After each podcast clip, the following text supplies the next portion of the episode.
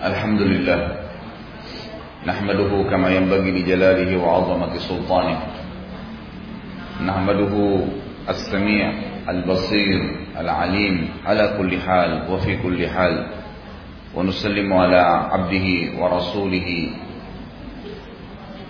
محمد كما صلى هو وملائكته عليه عدد خلقه ورضا نفسه وزينة عرشه ومداد كلماته. ملء السماوات وملء الأرض ملء ما شئت من شيء بعد Puji dan syukur kehadirat Allah Subhanahu wa taala atas segala nikmatnya dan juga salawat dan taslim besar Muhammad sallallahu alaihi wasallam. Melanjutkan bahasan kitab Bulughul Maram dan kita masuk sekarang halaman 367 bab syufa'ah atau terjemahannya hak membeli bagian dari dua orang yang bersekutu. Hadis pertama 923 عن جابر بن عبد الله رضي الله عنهما قال قضى رسول الله صلى الله عليه وسلم بالشفعة في كل ما لم يقسم فإذا وقعت الحدود وصرفت الطرق فلا شفعة متفق عليه واللفظ للبخاري Jabir bin Abdullah radhiyallahu anhuma berkata, seperti biasa, ibnu itu diganti jadi bin. Ya. Jabir bin Abdullah. Karena tulisan ibnu tidak boleh kalau bersambung dua nama. Rasulullah Shallallahu Alaihi Wasallam telah menetapkan berlakunya syuf'ah pada setiap sesuatu yang belum dibagi. Apabila telah dibatasi dan telah diatur peraturannya, maka tidak berlaku syuf'ah. Muttafaqun alaih dan lafadznya menurut Imam Bukhari. Hadis ini memberikan kepada kita pelajaran bahwasanya kalau seandainya ada dua orang yang akan transaksi dan belum terjadi kesepakatan antara keduanya,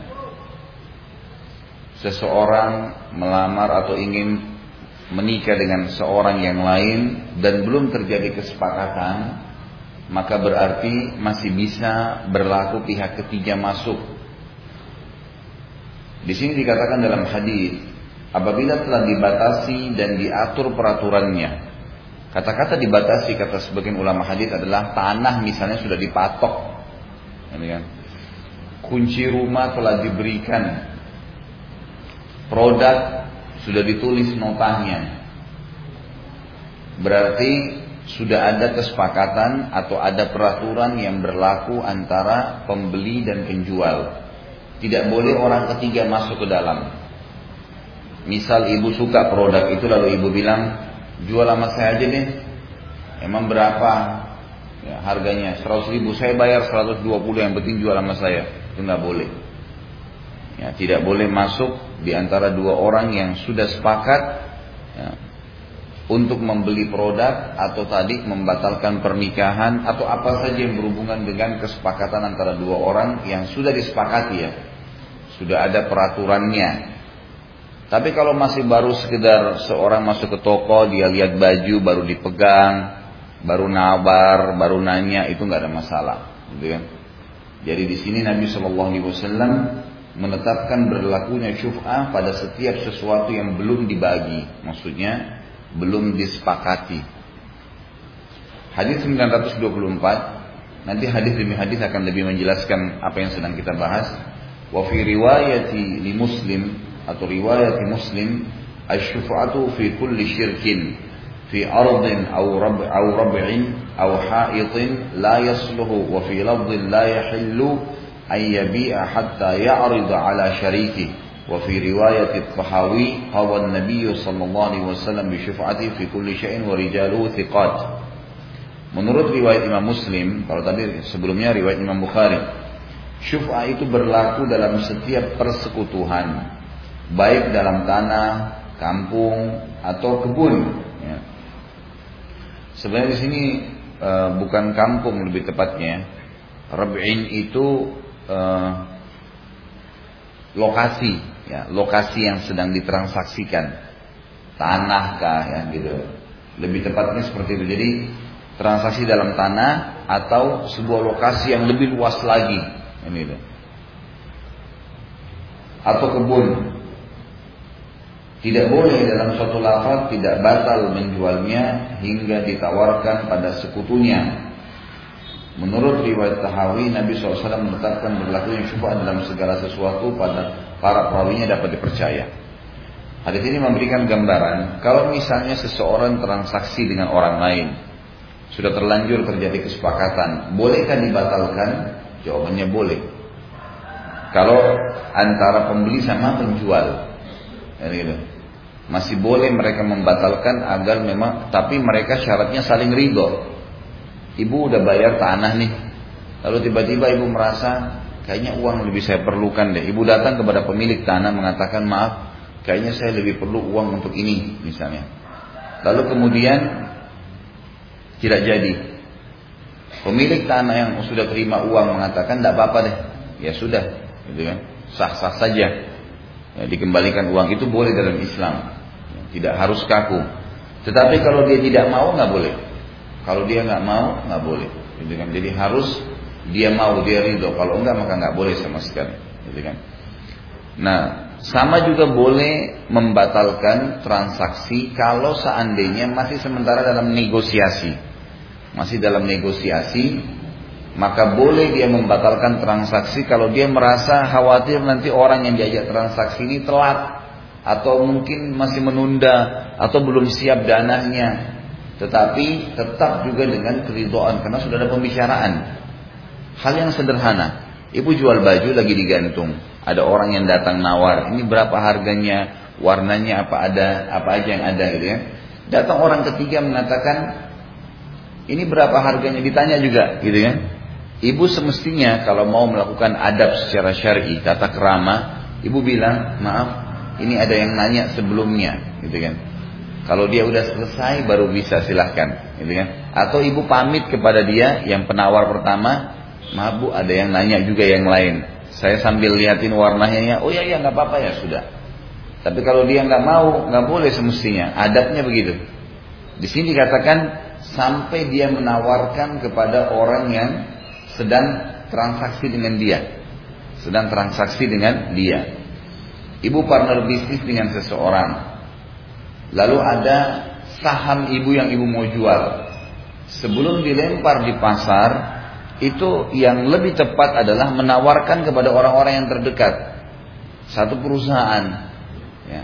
Misal teman kita punya 50%, kita punya 50%. Sekarang lagi butuh duit tidak dilemparin, jangan lempar di pasar dulu atau kepada kerabat, tapi tawarkan kepada orang yang sedang partisipasi atau bersama kita dengan sekutu. Ini sesuai dengan syariat. Inilah yang dikatakan dalam hadis ini. Ya, dalam suatu lafaz tidak halal menjualnya hingga ditawarkan kepada sekutunya. Jadi orang yang sudah terlanjur menawar tadi atau partner bisnis dia, dia tawarin dulu, mau nggak ini? Saya mau lepas saham saya 10%. Maaf, ini orang juga mau nanya, boleh nggak sambil satu produk sama-sama, gitu kan? Maka itu kalau dia mau nggak ada masalah. Kalau tidak berarti tidak halal ya. Di sini dikatakan tidak halal menjualnya. Menurut riwayat Tahawi, Nabi SAW menetapkan berlakunya syufah dalam segala sesuatu. Boleh apa saja transaksinya, orang ketiga bisa masuk, yang penting tadi ada syarat-syaratnya. Hadis 925 wa an Anas bin Malik radhiyallahu anhu qala qala Rasulullah sallallahu alaihi wasallam jarud dari ahaqqu bil dar rawahu an-Nasa'i wa sahih Ibn Hibban wa lahu illah Anas bin Malik radhiyallahu anhu berkata bahwa Rasulullah SAW bersabda tetangga tetangga sebelah rumah lebih berhak terhadap rumah itu riwayat Nasai dinilai sahih oleh Ibnu Hibban dan hadis ini memiliki atau mempunyai illah. Illah ini maksudnya sebuah pembicaraan, ada sedikit aibnya. Dilihat footnote nomor satu, karena hadis ini diriwayatkan oleh sejumlah para hafid dari Anas. Hafid maksudnya para penghafal hadis yang kuat ya. Dari Anas maksudnya sahabat Nabi sedang para hafid lainnya meriwayatkan dari Al Hasan dari Samura dan mereka berkata riwayat ini adalah mahfud ya, terhafalkan. Akan tapi Ibnu Qattan menilai kedua jalur tersebut sahih. Meskipun tentang apa apakah Hasan itu mendengar hadis dari Samura atau tidak masih diperselisihkan. Artinya dari hadis ini ada dua jalur, ada langsung ke Anas bin Malik, ada melalui sahabat Nabi yang lain Samura. Ya dikhawatirkan ada kekeliruan dalam jalur. Kenapa kok ini Hasan Basri dari Samura, gitu kan? Sementara di sini langsung diangkat kepada Anas bin Malik. Ringkas ini berhubungan dengan masalah sanad hadis ya. Tapi dua-duanya dinilai Ibnu Qattan sahih. Baik, hadis ini ibu-ibu sekalian perlu saya garis bawahi dulu ini tolong dititik ya. Tetangga itu walaupun bukan kerabat punya hak terhadap kita, tetangga. Siapa pun yang tinggal selama dia diistilahkan satu lokasi berarti tetangga. Tidak dihitung rumah yang keberapa. Misal ibu tinggal satu komplek, ada 50 rumah, semua itu tetangganya ibu. Semua itu dinamakan tetangga. Selama tinggal di satu lokasi, diistilahkan tetangga. Sampai ada istilah dari para ulama, penduduk Madinah semua tetangga Nabi. Karena Nabi SAW tinggal di situ kan. Berarti semua itu masuk dalam tetangga Nabi SAW. Begitu pula pada saat Atta bin Abi Rabah mendatangi seorang khalifah mengingatkan ya agar khalifah memberikan apa ya apa ya itu haknya setiap penduduk muslim dari pemerintah Islam dari pendapatan negara. Kalau sudah dikeluarkan kebutuhan pokok maka harus dibagi kepada masyarakat. Itu ada istilah begitu dalam hukum Islam ya. Dan tidak ada istilah pajak sebenarnya dalam Islam. Malah pemerintah yang memberikan kepada masyarakat, bukan masyarakat yang membayar kepada pemerintah. Pemerintah yang harus mengelola negara itu supaya ada pendapatan negara kemudian dibagi kepada masyarakat. Kan gitu. Pernah pemerintah ya khalifah Islam di zaman itu Umawi lupa Ya, ada yang terlupa belum dibayar. Maka Atha bin Abi Rabah seorang ulama dari Mekah datang lalu menawarkan atau menyampaikan kepada khalifah. Apa kata Atha? Wahai Amir Mukminin, ini statementnya saja yang kita ambil saksi bahasannya. Sesungguhnya penduduk Mekah yang sebenarnya mereka adalah tetangganya Allah. Kenapa ada bahasa tetangganya Allah? Karena tinggal di sekitar rumah Allah Ka'bah. Dan penduduk Madinah, tetangganya Rasulullah Sallallahu Alaihi Wasallam belum mendapatkan ataya mereka pada tahun ini, gitu kan? Jadi di sini ada istilah memang digunakan oleh para ulama tetangga. Berarti ulama bilang semua yang di sekitar lokasi satu lokasi maka bisa diistilahkan tetangga, gitu kan? Tetangga-tetangga ini tentu ada perkataan ulama mengatakan tetangga ini punya tingkatan juga sebagaimana kerabat punya tingkatan. Ya, kerabat punya tingkatan. Kerabat itu kan yang terdekat orang tua, kemudian jalur atas orang tua, kemudian jalur bawah anak-anak, baru kemudian ke samping, ya. Saudara, paman, ponakan itu semua. Tapi yang atas dan bawah dulu, gitu kan? Itu jalur terdekat. Dan jalur atas sama bawah ini semua yang berdekatan dengan itu ya. Misal ayah sama ibu semua saudaranya ayah, semua saudaranya ibu. Ini berarti jalur atas namanya. Kakek, nenek dan semua. Jalur bawah, anak, cucu, semua itu adalah yang terdekat. Itu yang paling pantas untuk disilaturahim. Kemudian datanglah yang ke samping ya, yang ke samping.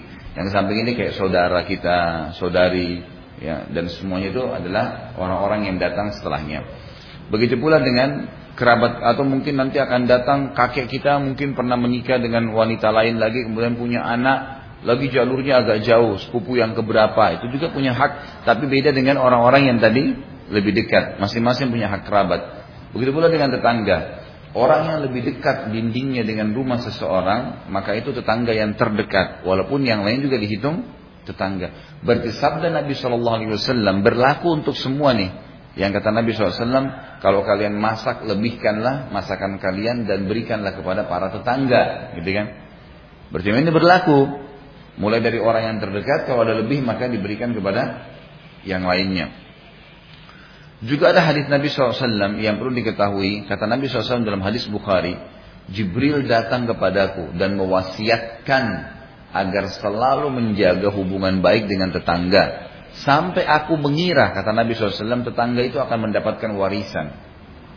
Kalau bukan karena memang tidak ada warisan untuk tetangga, maka tetangga bisa akan dapat warisan sebenarnya. Karena pentingnya Jibril mengatakan, wahai Muhammad, jagalah hubungan dengan tetangga. Terus tetangga jagalah, tetangga jagalah. Diingatkan, Sampai kata Nabi SAW, aku mengira tetangga itu akan mendapatkan warisan. Tetangga ini muslim atau non muslim sama saja. Tetap kita berlaku baik dengan mereka. Gitu kan? Bahkan dalam bab zina, ya, dosa besar zina, itu kan ada tingkatan-tingkatannya. Yang paling berat dosa zina itu adalah berzina dengan mahram. Itu yang paling berat di mata Allah Subhanahu wa taala. Orang yang paling berat siksanya hari kiamat zina dengan mahram, ibu dengan anaknya, ayah dengan anaknya. Iya itu ada kan terjadi. Itu zina yang paling berat atau saudara dengan saudarinya. Kan itu. Itu ternyata awalnya kayak tidak masuk di akal kita ya, tapi setelah saya hadapin banyak kasus di lapangan, ada terjadi itu. Sesuatu yang tidak masuk di akal gitu kan. Tapi terjadi. Atau misalnya berhubungannya antara seorang anak dengan istri ayahnya, itu kan juga tidak boleh mahram, gitu kan. Itu terjadi banyak. Setelah ayahnya meninggal, banyak hal-hal yang terjadi mungkin karena si laki-laki punya anak-anak yang sudah besar, ini istrinya masih muda, banyak hal padahal sebenarnya itu ibunya nggak boleh, gitu kan. Seperti itu diharamkan menikahi mantan istrinya ayah oleh anak gitu kan. Tidak boleh. Sebagaimana juga tidak boleh ayah menikahi mantan istrinya anak. Kalau anak kandungnya ya. Jadi mantan anak mantunya nggak boleh dinikahi sama dia. Ya, sebagian ulama mengatakan itu mahram abadi. Jadi bekas mertua, mantan mertua dengan mantan anak mantu itu mahram selamanya. Gitu kan? Karena memang mereka tidak boleh nikah. Nah, boleh menikah. Allah SWT mengharamkan menikah antara anak dengan mantan istri ayahnya. Anak perempuan dengan mantan suami ibunya nggak boleh, gitu kan? Walaupun itu bukan ayah dia, walaupun itu bukan ibu dia, gitu kan? Karena ini sudah menikah dengan orang tuanya. Kemudian yang datang setelah tingkat berzina dengan mahram, setelahnya langsung adalah berzina dengan pasangan tetangga. Itu kata Nabi Shallallahu Alaihi Wasallam dalam uh, hadis yang sahih bahwasanya waktu ditanya apakah dosa besar, apakah induk dosa-dosa besar, kata Nabi SAW syirik kepada Allah, ya kemudian durhaka dengan orang tua, lalu kemudian dihubungkan dengan dan engkau berzina dengan pasangan tetanggamu. Itu berarti masuk level setelah berzina dengan mahram. Jadi saking beratnya ya, tetangga itu nggak boleh. Makanya orang terdekat itu setelah keluarga adalah tetangga, para tetangga. Datang setelahnya level itu adalah berzina umumnya. Berzina secara umum gitu kan. Yang kenal atau tidak kenal orang berzina itu itu datang umumnya. Tapi yang jelas yang terberat adalah mahram kemudian berzina dengan pasangan tetangga itu saking pentingnya. Dalam hadis lain juga dikatakan dalam hadis sahih al jaru haqqu bi saqabati jari. Tetangga itu lebih berhak terhadap apa yang akan diberikan atau dijual oleh tetangganya. Jadi kalau ibu mau beri sesuatu, maka yang lebih berhak adalah tetangga diberikan. Gitu. Dan kalau ibu mau jual sesuatu, dianjurkan untuk tawarkan kepada tetangga. Kalau mereka nolak, baru kasih ke orang lain. Ini termasuk bagian daripada syarat kita ya. Dianjurkan untuk menjaga itu. Itulah makna daripada hadis yang tadi kita sebutkan 925 itu. Yang dikatakan tetangga sebelah rumah lebih berhak terhadap rumah itu. Jadi kalau saya ibu mau jual rumah, sebelum tawarin ke orang lain, tawarin tetangga, mau beli nggak? Gitu kan? Ini rumah saya, ini mobil saya. Kalau dia bilang enggak ya sudah. Itu bagian daripada syariat kita ya. Bagian daripada syariat kita. Kadang-kadang subhanallah ada satu produk nih, kita lagi mau jual, sibuk cari orang, iklanin sana sini. Ujung-ujungnya tetangganya bilang, Kenapa nggak bilang sama saya? Padahal saya perlu kok misalnya. Padahal sederhana cuma bilang gitu. Kata sebagian ulama bahwasanya kalau orang menghidupkan apa yang syariat perintahkan ini, ya, maka pertama hubungannya dengan tetangganya akan baik. Gitu ya. Kemudian juga apa yang dia butuhkan itu lebih mudah untuk dia dapatkan. Misal jual produk, misal butuh bantuan karena tetangga yang didahulukan, gitu kan? Dan ini sangat bertolak belakang dengan kondisi sebagian masyarakat muslim di Jakarta secara khusus yang tidak kenal tetangganya. Apalagi kalau kita sudah masuk di komplek atau sebuah tempat yang elit, itu sudah tidak tahu tetangganya siapa karena temboknya terlalu besar, pagarnya terlalu besar, udah nggak pernah melirik, keluar masuk mobil nggak pernah ditahu, nggak pernah tahu memberikan salam tetangga ini nggak boleh semuanya. Dalam Islam tidak boleh tetangga punya hak Kata para ulama setelah kerabat yang punya hubungan mahram, uh, hubungan rahim, ya, punya kerabat tetangga yang datang setelahnya. Disuruh berikan lebih makanan kepada mereka, berikan hadiah, tawarkan produk yang mau dijual.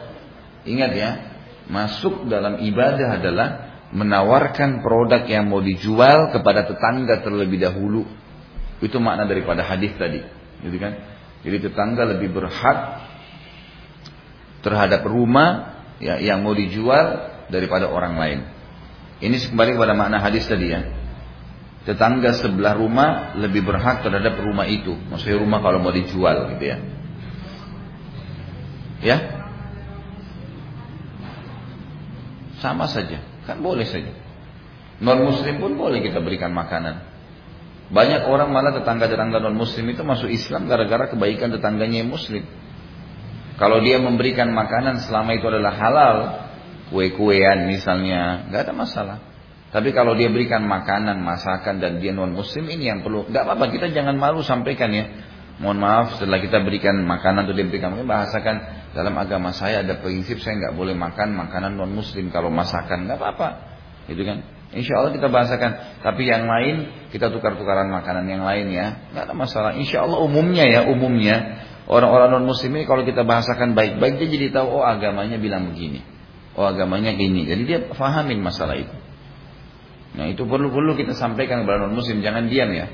Makanya kemarin itu tanggapan kepada Raja Salman bin Abdul Aziz sekarang ya Raja Saudi ini luar biasa. Beliau umur 10 tahun sudah hafal Quran ya. Semoga Allah muliakan Islam di tangan beliau gitu kan. Itu uh, pada saat kemarin Barack Obama datang lagi azan asar dia berhentikan dia pamit saya mau sholat asar. Dan akhirnya dihormatin itu. Itu keputusan agama gitu kan. Memuliakan Allah. Mendahulukan Allah di atas segalanya.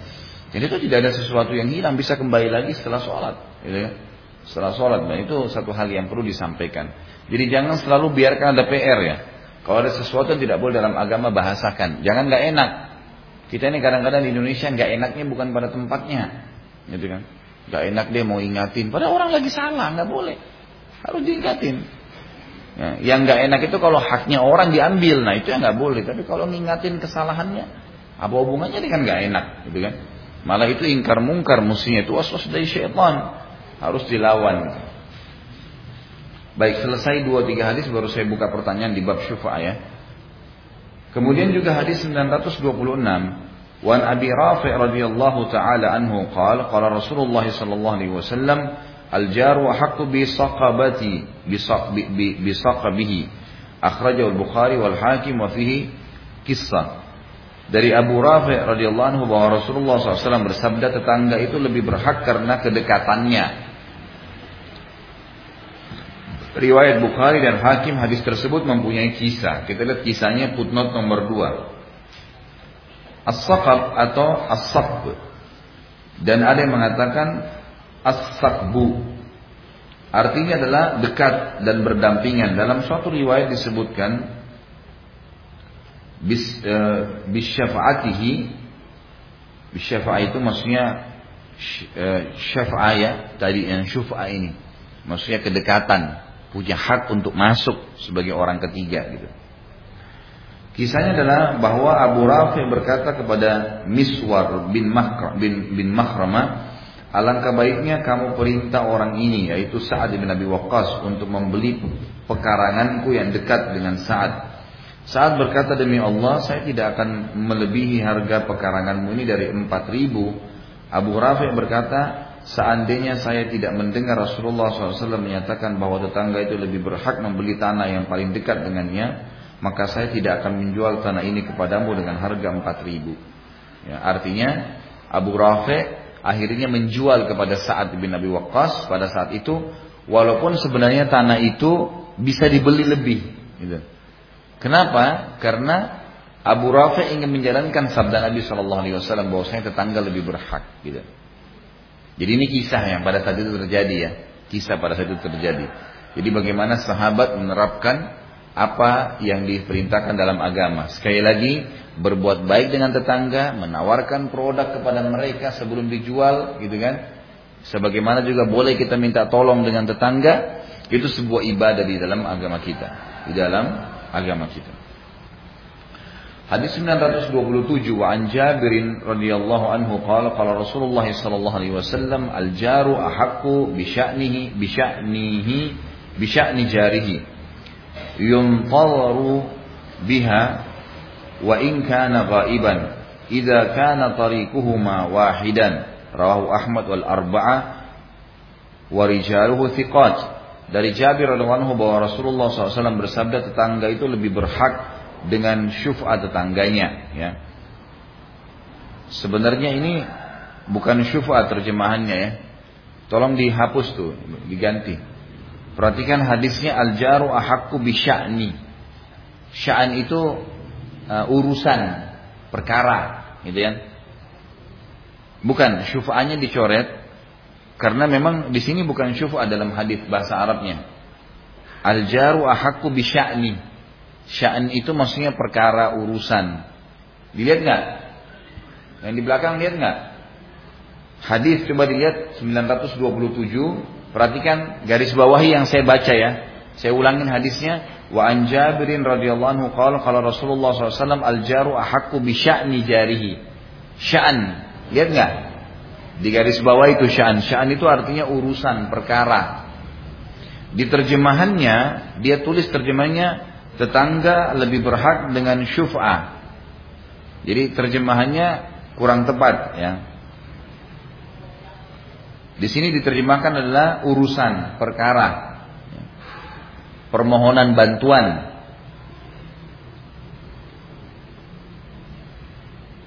Ia dinanti, ditunggu tetangga itu, walaupun sedang pergi.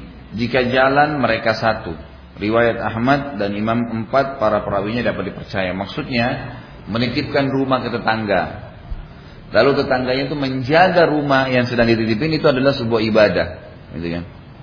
Jadi lebih berhak tetangga yang diberikan amanah. Seperti itulah. Tentu di sini ulama mengatakan dalam keadaan tetangga ini juga bisa dipercaya. Bukan berarti ini hukum secara mutlak, gitu kan? Dipertemukan jadi kalau misalnya tetangganya memang dasarnya orang tidak baik, ya itu kita punya hak untuk tidak mengamanahkan. Tapi di sini kalau memang orang baik, itu lebih baik tetangga yang didahulukan, tetangga yang didahulukan, gitu kan? Dan memang karena di sini sebagian ulama mengatakan tetangga itu kan tinggal di situ, dia tiap hari bolak-balik di rumahnya, otomatis tidak menambah ekstra waktu, ekstra biaya, ya energi, kalau kita titipin sama kerabat kita yang jauh misalnya dia harus kontrol rumah tiap berapa hari sekali kan kesian. Tapi kalau tetangga kan lebih dekat. Tetangga kan lebih dekat, dia bisa lihat, bisa cek kan gitu. Dan tentu saja, tentu saja dianjurkan juga dalam agama kita untuk membalas jasa orang, gitu kan? Membalas jasa orang. Mungkin pada saat keluar, saya mau ke Bandung tiga hari ya bu, titip ya rumah saya, ini kuncinya. Ya udah, itu nggak masalah, gitu kan? Misal nanti setelah dua hari dari Bandung dari Bandung mungkin dibawain oleh-oleh apa. Itu memang dianjurin. Jangan sudah datang bawa ambil kuncinya. Makasih bu ya. Assalamualaikum pergi gitu kan. Nggak ada balasan apa-apa. Mesti dikasih imbalan. Ini bukan keharusan ya. Bagian daripada tata kerama Islam. Ya, tata kerama Islam memang begitu. Karena kata Nabi SAW dalam hadis yang lain riwayat Bukhari juga, siapa pun berbuat baik pada kalian, maka balaslah yang setimpal. Setimpal dengan itu kan. Kalau kalian benar-benar gak punya, maka ucapkanlah jazakallahu khairan. Itu kalau betul-betul tidak ada. Karena itu akan mencukupi baginya. Ya, jazakallahu khairan laki-laki jazakillahu khairan kalau perempuan. Hadis terakhir dalam bab syuf'a ini 928 Wan Ibnu Umar radhiyallahu anhuma anin Nabi sallallahu alaihi wasallam qala asy-syuf'atu kahallil 'iqal Rawahu Ibnu Majah wal Bazzar wa zada la syuf'ata li ghaibin wa isnaduhu dhaif. Terjemahannya adalah dari Ibnu Umar radhiyallahu anhu bahwa Nabi sallallahu alaihi wasallam bersabda, syuf'a itu laksana melepaskan unta. Riwayat Ibnu Majah dan Al-Bazzar dengan tambahan tidak ada syuf'a bagi orang yang pergi. Sanatnya lemah. Kita lihat dulu footnote nomor satu dalam sanad ini terdapat Muhammad bin Abdurrahman Al-Bilmani. Ia meriwayatkan hadis dari naskah bapaknya yang seluruhnya maudhu. Maudhu itu artinya bohong. Ya. Dan tidak boleh dipakai hujah. Tidak tidak boleh dipakai hujah. Hujah maksudnya sebagai landasan hukum. Oleh karena itu Ibn Hibban berkata bahwa hadis ini tidak memiliki sumber banyak hadis yang semakna dengan hadis ini namun seluruhnya tidak jelas sumbernya. Makna sabda beliau ya. Di sini ya seperti makna hadis tadi ya. Kahallil iqal Halil iqal Itu tulisan bahasa Indonesia tadi keliru itu. Lihat nggak di footnote itu? Dia tulis ke Halli ya. Halli al-Iqali betul lah. Adalah bahwa hak membeli pekarangan yang terdekat itu telah kadaluarsa apabila tidak segera dilakukan.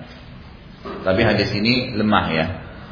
Sengaja diangkat oleh penulis untuk menjelaskan kepada orang yang baca buku ini, ternyata hadis ini tidak benar kalau didengar di lapangan. Gitu kan? Makna hadis ini adalah orang yang misal gini, ibu lewat nih di toko, pegang jilbab, ini berapa harganya? Gitu kan? Sebentar bu, saya lihat dulu harganya kata pemilik toko ya. Terus kita sambil jalan lihat produk lain. Ibu kan tinggalin tuh tadi. Nah, ini dalam Islam semestinya ibu masih punya hak untuk produk itu karena sudah bertanya. Kalau makna hadis ini, ibu kalau sudah tinggalin, haknya dia berjual pada orang lain. Kan gitu. Halal iqal itu seperti unta yang dilepas sudah gitu saja. Seperti itulah maknanya. Dan ini tidak benar, gitu kan? Karena hadis ini tertolak oleh para ulama hadis. Ini maksudnya tidak berlaku ya.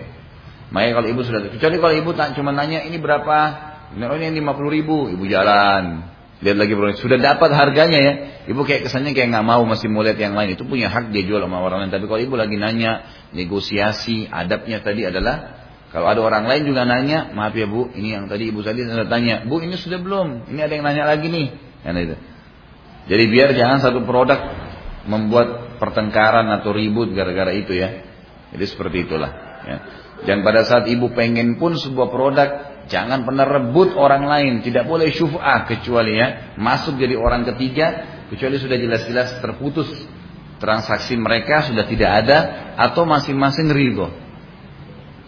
Kadang-kadang kita lagi pengen mau beli produk nih. Orang lain sudah pegang. Gitu kan.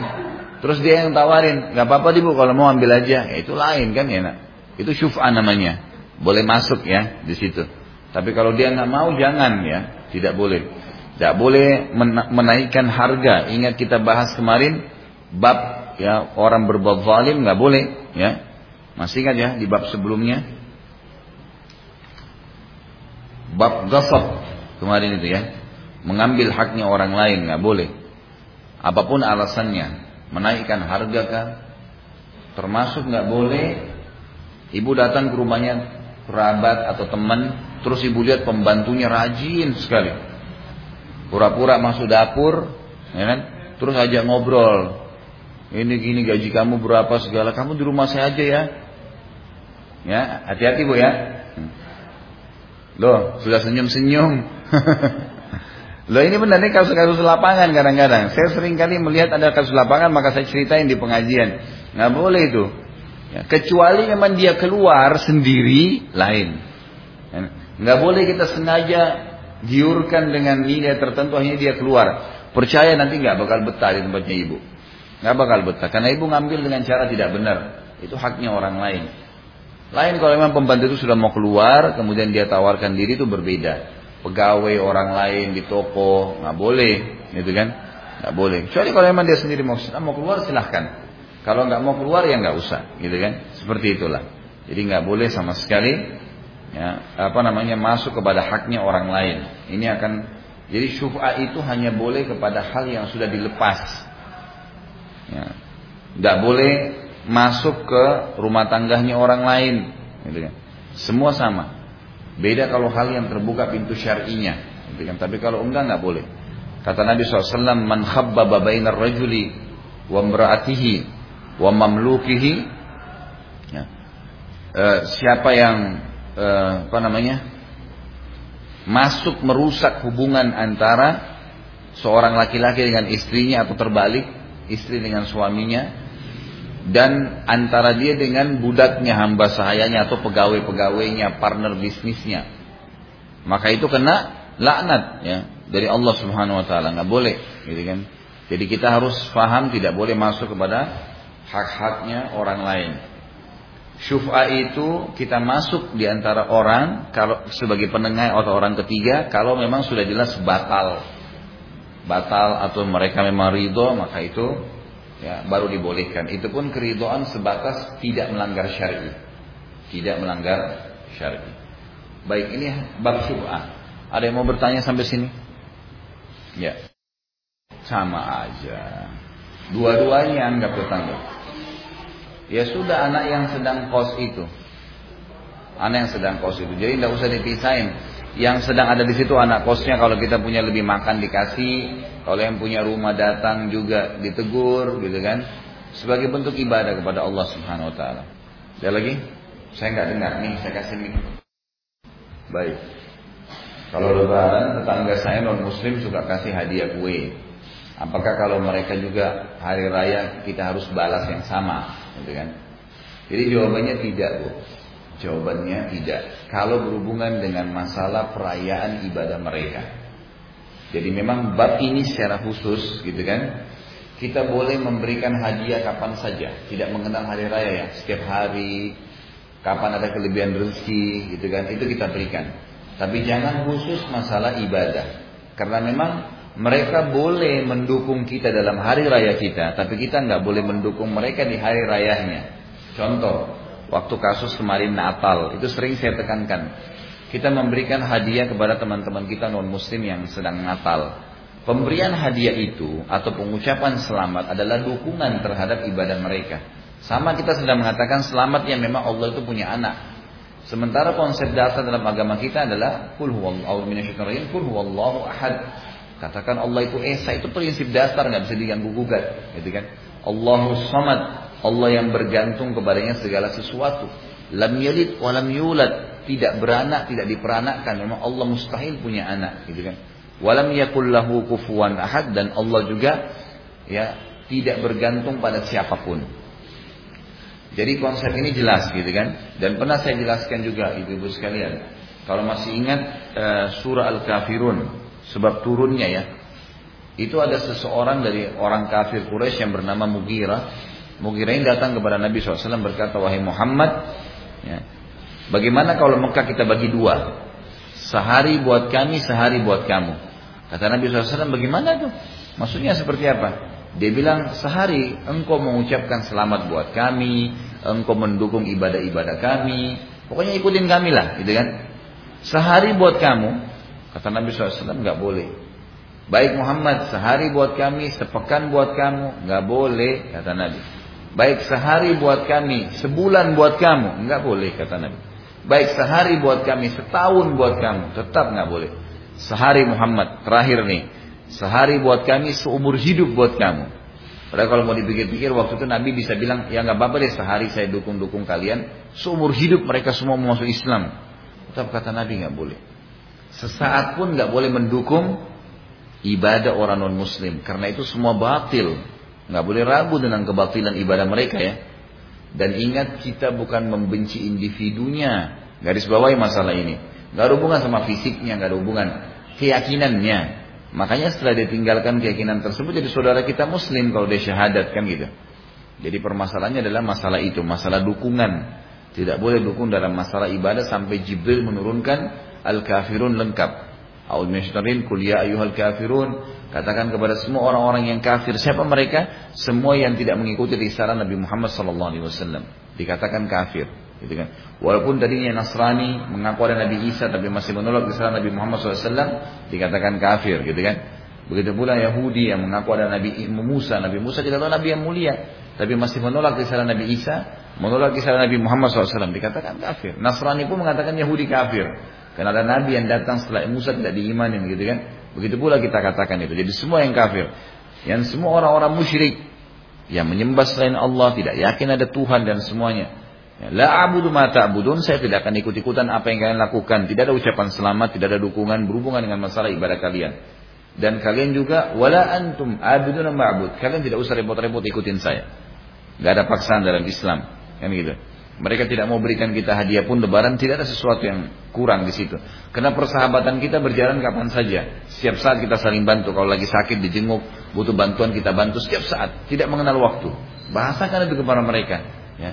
Kami siap membantu apa saja. Kita berinteraksi, jalan sama-sama, partner bisnis, boleh. Bertetangga, orang tua atau kerabat non-muslim, bisa kita silaturahim dengan mereka.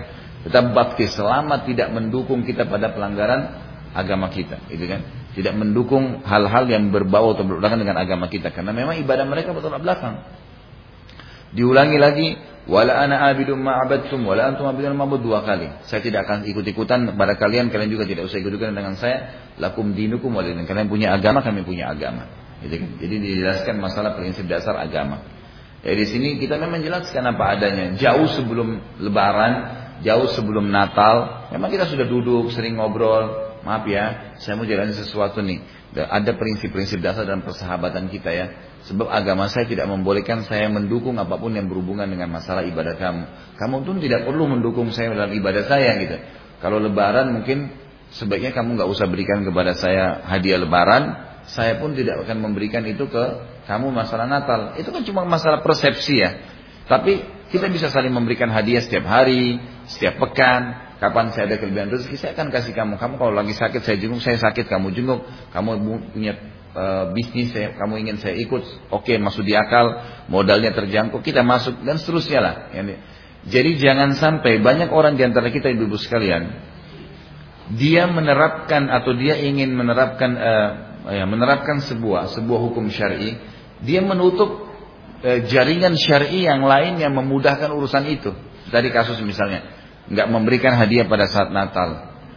Jadi ini satu hukum ya, tapi dia tidak menjelaskan kepada non muslim itu hukum yang banyak. Tadi boleh bertetangga, boleh berteman, boleh menjenguk pada saat, boleh membantu pada saat susah. Kan banyak pintu yang lain. Masa satu pintu itu tertutup kemudian yang lainnya akhirnya seakan-akan tidak ada kebaikannya kan? Jadi kita harus sportif dalam menjelaskan masalah itu. Gitu Bu ya. Ya jadi supaya tidak jadi PR terus menerus nih karena kalau enggak akan jadi PR nih sampai kapan nih masalahnya? Apa Bu? Iya, iya. Betul. Kapan saja. Kapan saja. Bolehkah memberikan baju untuk non muslim? Boleh. Bolehkah kasih makanan? Boleh apa saja. Yang penting selama agama bolehkan. Nggak ada masalah. Dan banyak orang menjadi dapat hidayah malah karena kebaikan orang Islam kepada dia gitu kan. Siapa lagi?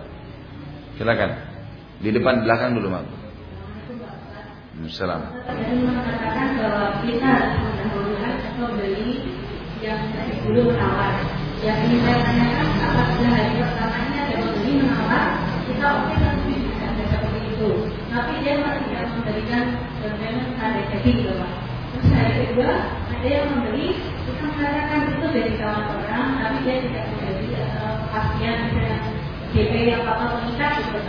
Nah itu mana yang harus kita lakukan? Ibu ibu bilang sama yang pertama, telepon, hubungin, ini ada yang tawar ya, saya mau jual.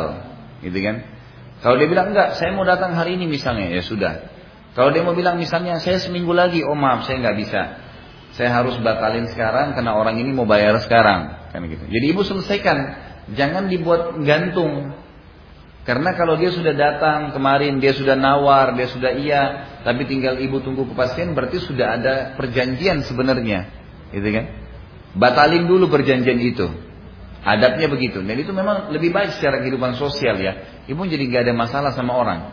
Ibu jual pun dalam kondisi nyaman. Dan ibu batalin memang. Enggak saya tetap mau. Maaf ya. Saya saya akan batalin. Ibu batalin nggak apa-apa. Gitu kan. Ibu punya hak. Saya batalin karena orang ini sudah jelas sekarang mau bayar. Saya nggak bisa tunggu anda kena kelamaan. Gitu kan. So.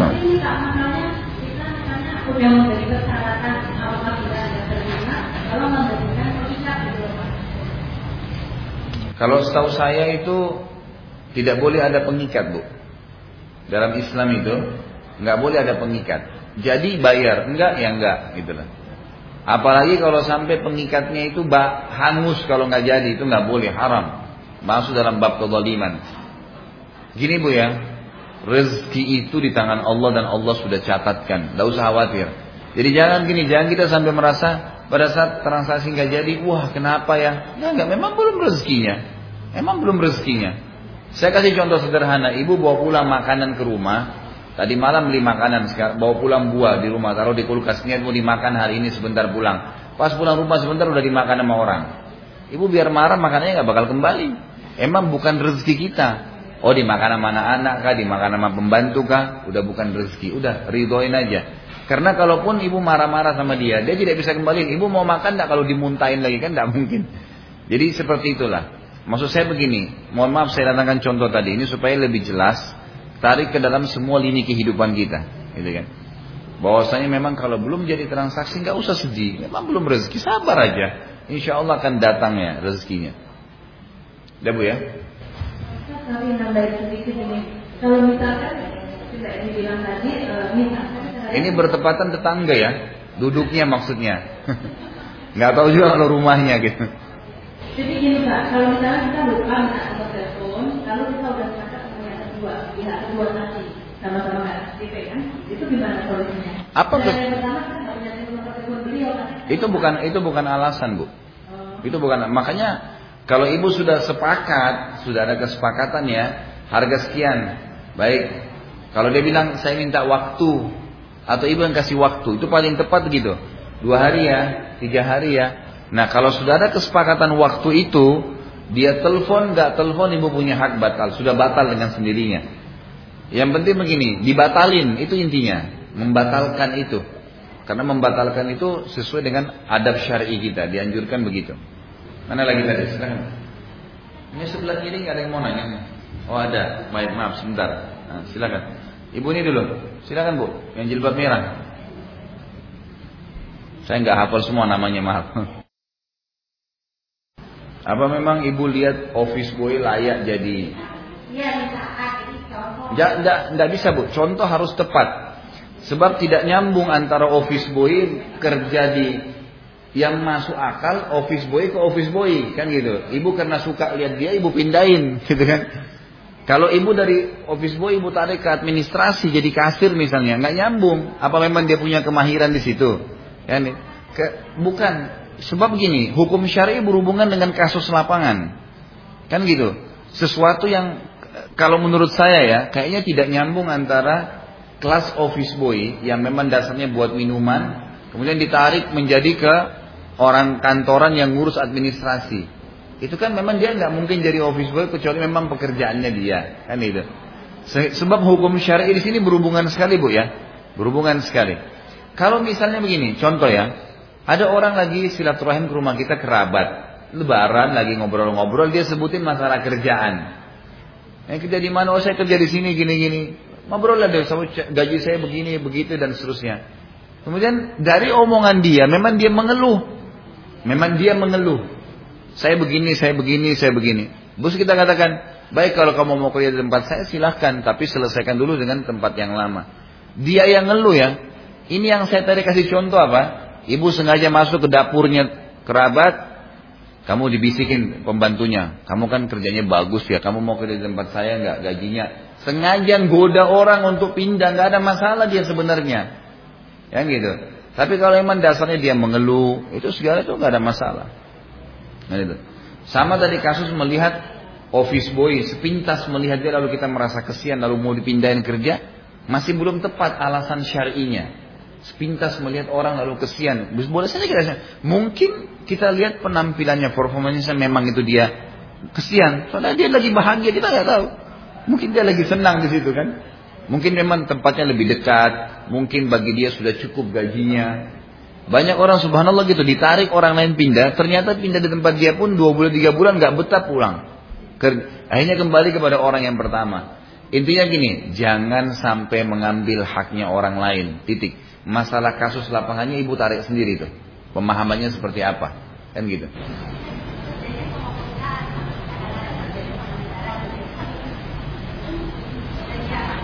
Kalau dia ngeluh, apa pun, perusahaan kah, individu kah, kalau dia mengeluh, dia sampaikan masalahnya, ibu sudah dengar memang, memang ibu mau bantu karena dia keluhkan masalahnya itu lain.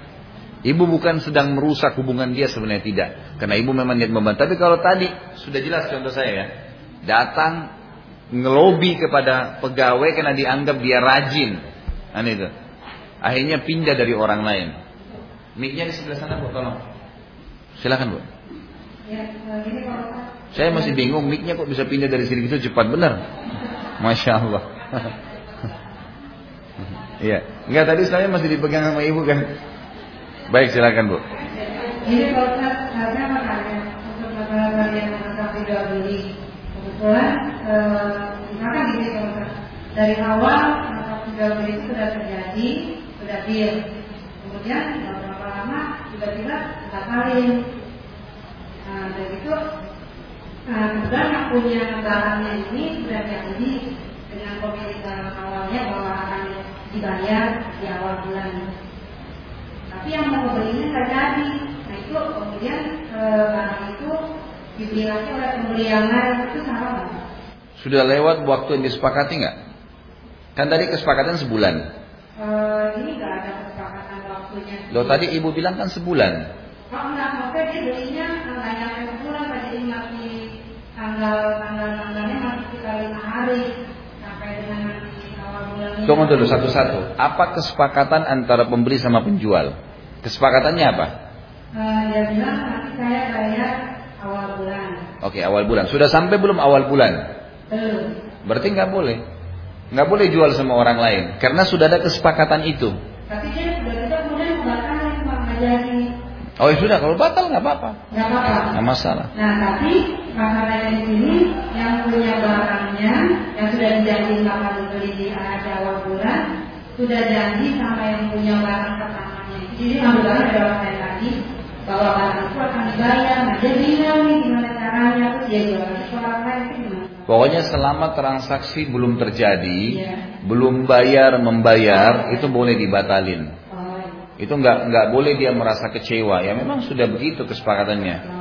Makanya dalam Islam pernah saya jelaskan waktu kita masuk di bab ya. Salah satu kita pernah jelasin masalah transaksi jual beli. Paling nyaman itu cash. Ini produk kamu suka bayar sekarang, selesai. Makanya bab kredit itu dalam Islam ditutup sebenarnya. Kecil sekali pintunya. Bab kredit ya, lebih aman cash. Ada uang beli, nggak ada uangnya sudah. Ya kan itu. Nggak mampu beli satu, produknya masih bisa dibagi dua, bisa dibagi dua, gitu kan? Ya, misalnya beli makanan atau beli apa gitu kan masih memang bisa, itu lebih baik. Jadi tidak ada masalah, tidak pihak pembeli, tidak pihak penjual. Karena seringnya begitu. Kadang-kadang juga subhanallah kasus kayak ibu ceritain tadi ini, memang pembeli itu sendiri sedang menawarkan ke orang lain lagi. Jadi satu produk ini dikeroyokin dengan banyak orang karena berharap masalah keuntungan dari situ kan. Sehingga misalnya yang dia jadikan target, dia beli, dia tawar 100 juta nih. Sebuah tempat misalnya. Dia tawarin ke kerabatnya 120 juta. Kerabatnya itu masih nungguin, belum ada beritanya, dia batalin karena ini juga batal misalnya. Bukan memang dia mau beli. Kalau dia niat mau beli nggak bakal begitu insya Allah. Kan? Kalau orang niat jujur mau belanja, memang dia butuh, nggak bakal ada masalah. Sebenarnya dia pasti akan beli kan. Ya, ini insya Allah begitu. Siapa lagi yang punya masalah? Hmm.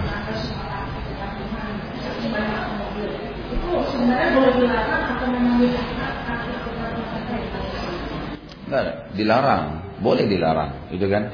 Kalau di pintu masuk ya, begini, mana tanahnya ibu yang ibu beli?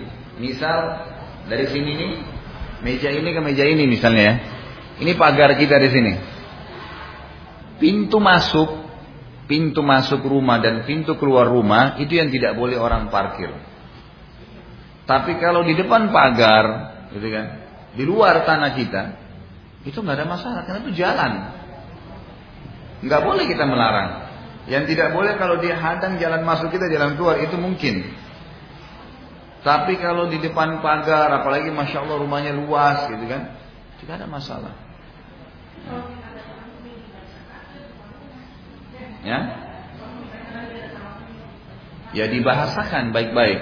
Kan bisa dibahasakan baik-baik, gitu kan? Karena gini, kita tidak punya hak memblok jalanan, walaupun itu di depan rumah kita ya. Karena kan memang jelas itu sudah di luar tanah. Kalau ibu memang ada kelebihan rezeki, buat parkiran dalam rumah, gitu kan? Lo benar. Saya kemarin ketemu dengan salah satu jemaah pengajian saya, rumahnya kecil bu. Rumahnya itu kalau tidak salah nggak sampai 200 meter lah ya. Mungkin 200 meter, 250 meter. Kalau dibanding ukuran rumah umumnya ya. Tapi ternyata dia punya ide, memang dia sering bangun properti. Jadi dari tanah dasar rumah yang dia beli itu dibongkar sama dia. Terus diturunkan satu setengah meter ke tanah, digali ke dalam satu setengah meter aja. Dari tanah dasar dinaikin satu setengah meter. Itu dijadikan basement di bawah. Jadi ukuran itu dijadikan basement luas untuk parkiran. Padahal sebenarnya rumahnya nggak luas, tanahnya nggak luas. Tapi kena digali sama dia satu setengah meter ke dalam, dinaikin satu setengah meter, nanti mobil kesannya agak naik satu setengah meter, itu baru rumahnya di atas, itu jadi basement luas sekali untuk parkiran. Contoh saja ya salah satu solusinya, gitu kan. Ini ya. Kenapa? Kalau banjir ya harus ada pengairannya kan, Bu. Maksudnya itu kan ada ada ada ada arsiteknya sendiri. Orang semua pakai basement itu ada, airnya ada, serapannya ada, gitu kan. Banyak sekali uh, mall-mall pakai basement segala itu. Kok nggak banjir? Kenapa? Karena itu ada serapan air. Uh, masalah yang makanan, misalnya kita ada makanan ini coklat, terus ada hal dari Eropa misalnya gitu ya, oleh-oleh ada yang multiplier yang katakannya lebih atau. Terus kita ragu-ragu kalau makan, kasih ke tetangga yang muslim boleh nggak kayak gitu? Boleh. Nggak apa-apa.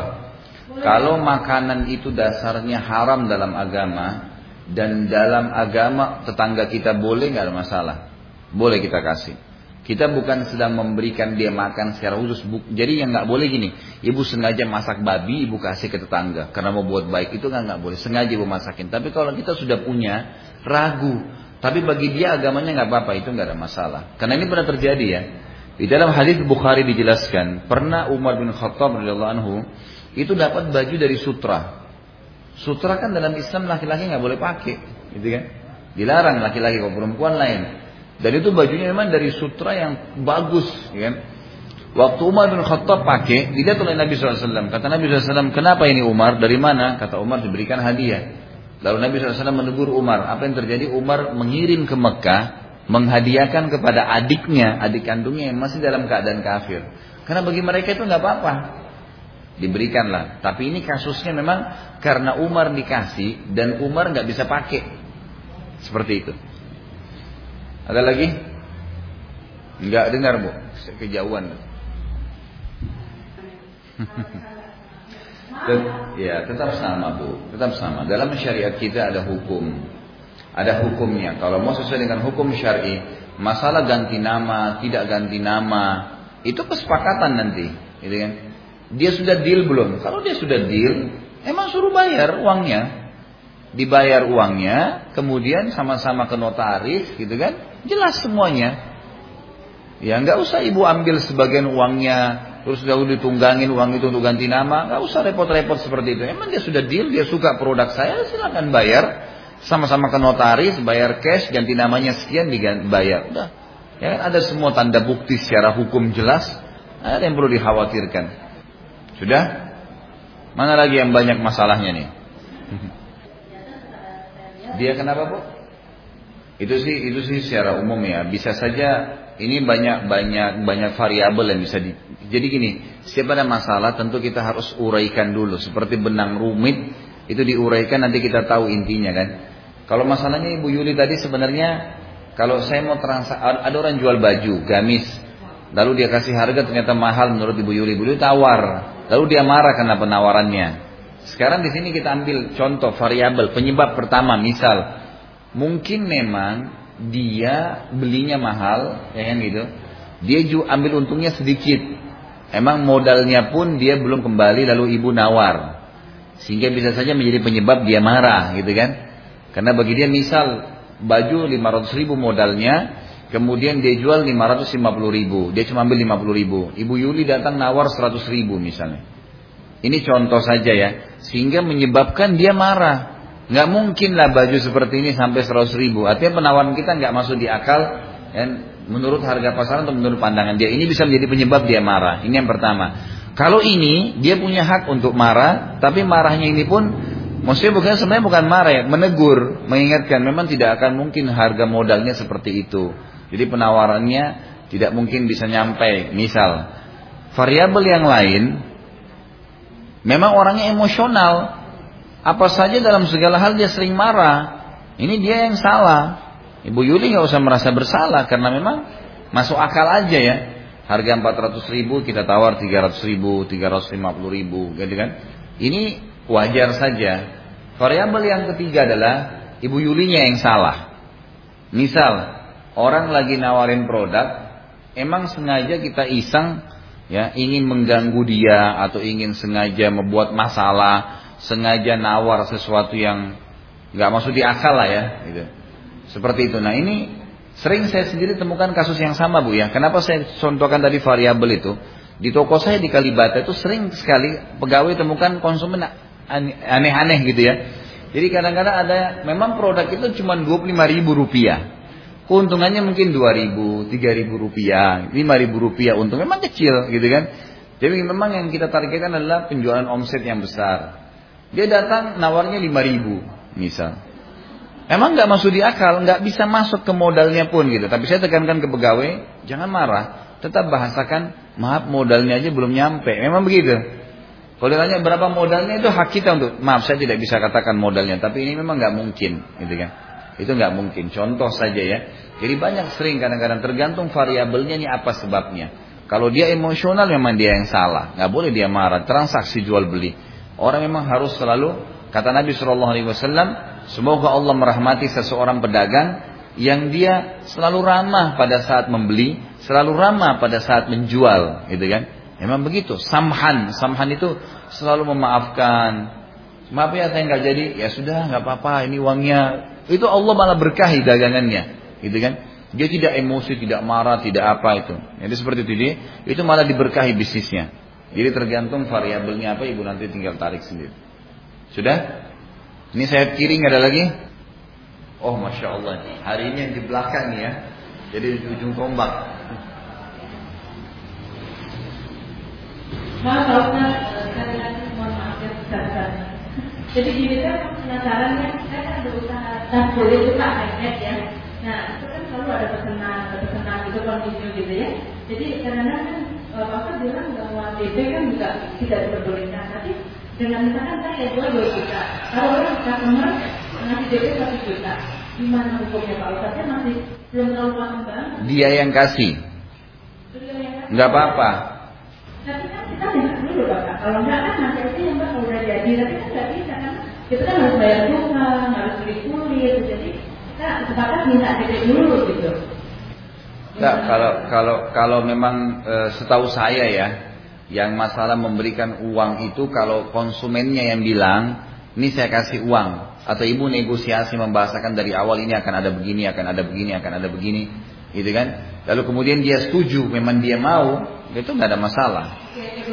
Iya, tapi kalau ibu yang terapin, ibu yang terapin, ini nggak bisa kalau nggak kasih DP, misalnya, nggak boleh.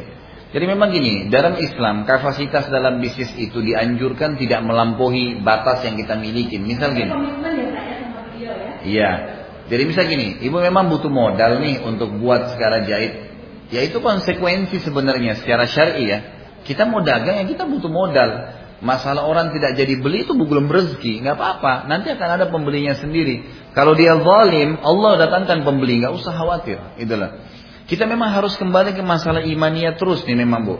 Itu baru bisa mengontrol kita dalam segala lini kehidupan. Karena kalau enggak, kita lepas sedikit dari jalur iman, itu akan kacau nanti. Baik dalam transaksi, baik dalam rumah tangga, baik dalam masalah apa pun, gitu kan. Saya buat tas 2 juta rupiah saya jual, modalnya sejuta, gitu kan. Supaya orang ini apa saya akan beli uh, bayar tukang dan segalanya saya minta sama dia. Secara syar'i mesti nggak usah minta DP. Kita buat memang sejuta kita keluarin modal. Ini idealnya ya. Ibu keluarin modal sejuta. Udah jadi tasnya. Oh nggak jadi bu, maaf nggak bisa. Oh ya udah nggak apa-apa. Udah ibu Taruh aja barang itu dengan izin Allah akan laku. Allah akan kirim. Kalau dia zalim, dia sengaja nggak mau beli. Jangankan dia zalim ya, tidak zalim pun Allah datangkan pembelinya. Itu pasti dengan izin Allah. Ya, memang bukan bukan bukan rezekinya dia beli, Allah akan datangkan nantinya. Ibu nggak usah terlalu gini bu ya. Syaitan itu selalu menakut-nakuti manusia dengan kefakiran. Asyaitanu kata Allah, ya'idukumul faqra wa ya'murukum bil fahsya. Ya. Syaitan itu selalu mengakuti kalian dengan kefakiran. Untuk jujur, untuk amanah, untuk baik dengan orang, memaafkan. Itu berat. Dibuatin berat sama dia. Nanti kamu bagaimana? Nanti kamu begini, nanti kamu miskin, nanti kamu susah. Nanti siapa yang mau beli? Nanti kekhawatiran yang luar biasa. Itu syaitan semua. Kalau ibu yakin dengan izin Allah masalah imannya itu, Allah akan berikan saya rezeki. Bukan orang ini kok. Bu kalau Allah belum catatkan rezeki, insya Allah Jokowi yang datang nggak bakal beli barang kita. Betul. Mungkin tetangga kita yang datang malah dia yang beli. Itu banyak terjadi. Kalau mungkin teman-teman atau ibu-ibu yang biasa dagang tahu, ada sekarang produk ditawar oleh 10 orang nggak dibeli-beli. Nanti orang yang ke-12 yang datang yang beli. Gitu kan? Seperti itulah. Saya pernah jual minyak wangi di toko bu. Saya beli dari memang Arabian Ud di Jeddah. Agak mahal harganya memang sekitar 300 realan kalau di sana ya. Kadang-kadang kalau saya lagi bingung umroh haji, saya biasa sampaikan ke jamaah saya ini kalau mau beli coba beli minyak wangi ini lain. Memang di Indonesia nggak ada, mereknya bagus, tahan lama dan memang memang bagus gitu. Saya pernah bawa dari Saudi beberapa banyak itu saya ekspedisikan lalu masuk ke toko saya taruh dipajang dipajang di toko tuh awalnya orang nggak ada yang mau beli karena memang orang kaget lihat harganya kan kalau itu itu sudah hampir sejuta harganya gitu saya jualnya satu juta dua ratus lima puluh gitu kan kita naikin karena ongkos transportnya dan segalanya selesai Enggak, itu setiap orang datang lewat enggak, enggak, enggak. Subhanallah. Mungkin setelah sekian, mungkin tiga mingguan ya orang bolak-balik nawar. Setelah tiga minggu ada satu orang datang beli, dia coba, dia cocok, dia beli dua dus. Sekarang dia hampir setiap saat order. Khusus dia begitu datang dia sendiri yang order. Kalau ada datang sampaikan ke saya, dibeli sama dia. Dengan hikmah Allah Allah datangkan pembeli memang sudah itu rezekinya di situ udah. Ini orang lain kita biar berharap apa pun kalau memang Allah belum takdirin tidak bakal dia beli. Kita bakal dia beli. Apalagi kalau kita jujur dalam tijarah, dalam bisnis itu luar biasa. Kata Nabi SAW, pedagang yang jujur, mereka akan bersama para nabi-nabi dan syuhada pada hari kiamat. Jujur saja masalah itu. Itu kata kunci Allah akan berikan tuh nanti. Nggak jadi orang beli nggak usah khawatir. Eh, oh memang belum rezekinya. Udah mudahin aja deh. Tetap minum kopi, minum teh, santai. Nggak usah pikir dua hari nggak tidur gara-gara tas nggak laku. Itu Jadi biasa. Ya. Tapi intinya kan balik lagi bahwa kalau komitmen sama orang kita baik-baik, apa-apa ya. Ya. Berarti nggak apa-apa ya. ya. Nggak ada istilah hangus ya. Nggak ada istilah hangus. Tidak boleh ibu bilang tiba-tiba dia batal berarti hangus uang DP-nya. Nggak bisa. Konsekuensi Gini ibu, ibu bilang loh, tapi kan uangnya sudah saya pakai bayar tukang, ya itu konsekuensi. Kenapa ibu pakai uangnya dia buat tukang? Gitu kan? Mestinya kita yang pakai modal sendiri. Gitu. Sudah ya? Ya. Nggak ada sebesar-besarnya lagi, Bu. Sudah? Baik. Sampai sini dulu. Mudah-mudahan apa yang kita bahas pada hari ini insya Allah bermanfaat. Uh, saya ingin menyampaikan ibu-ibu sekalian, kalau misal, ini misal, ada kerabat, ada teman-temannya ibu yang dari kampung, yang dari mana, yang memang e, punya kemahiran di tukang besi dan tukang kayu ya. Sekarang itu Masjid Haram Mekah lagi butuh pegawai. Masjid Haram ya, kan lagi perluasan. Itu butuh dan di Indonesia sekarang ini disiapin ada 5000 visa. 6000 visa. Untuk itu tukang kayu dengan tukang besi. Ini kerjanya di haram, tentu untuk laki-laki lah, gitu kan. Untuk laki-laki. Ibu-ibu sudah jadi mulia aja di rumah, urus suami, urus anak gitu. Enggak, benar nih. Itu ditawarin ke siapa pun. Ini kita bisa bantu saudara kita, kerabat kita muslim kerja. E, apa namanya? Mereka berangkat ke sana dengan gaji 1.800 real kurang lebih. Hampir 5-6 jutaan gajinya per bulan. Tapi yang penting adalah bisa sholat di masjid haram lima waktu bisa hadiri majelis ilmu di sana. Kalau dia lowong habis kerja 8 jam, hari 8 jam nanti dia bisa ikut. Bisa ada mesnya. Bisa haji bisa umrah ada mes, ada tempat tinggal segala gitu. Nanti kalau memang ada yang terfikir ada orang nanti tinggal dihubungin ke saya saja karena ini kebetulan yang masukin visa dari sana itu sepupu ayah saya sendiri. Gitu. Jadi memang saya lagi data di pengajian kalau misalnya ada orang yang mau maka e, kita sampaikan ke sana gitu. Mungkin begitu dulu insya Allah ya. ya. Kalau benar dari Allah, kalau ada salah dari saya mohon dimaafkan. Subhanakallahumma bihamdika asyhadu an la ilaha illa. Wassalamualaikum warahmatullahi wabarakatuh.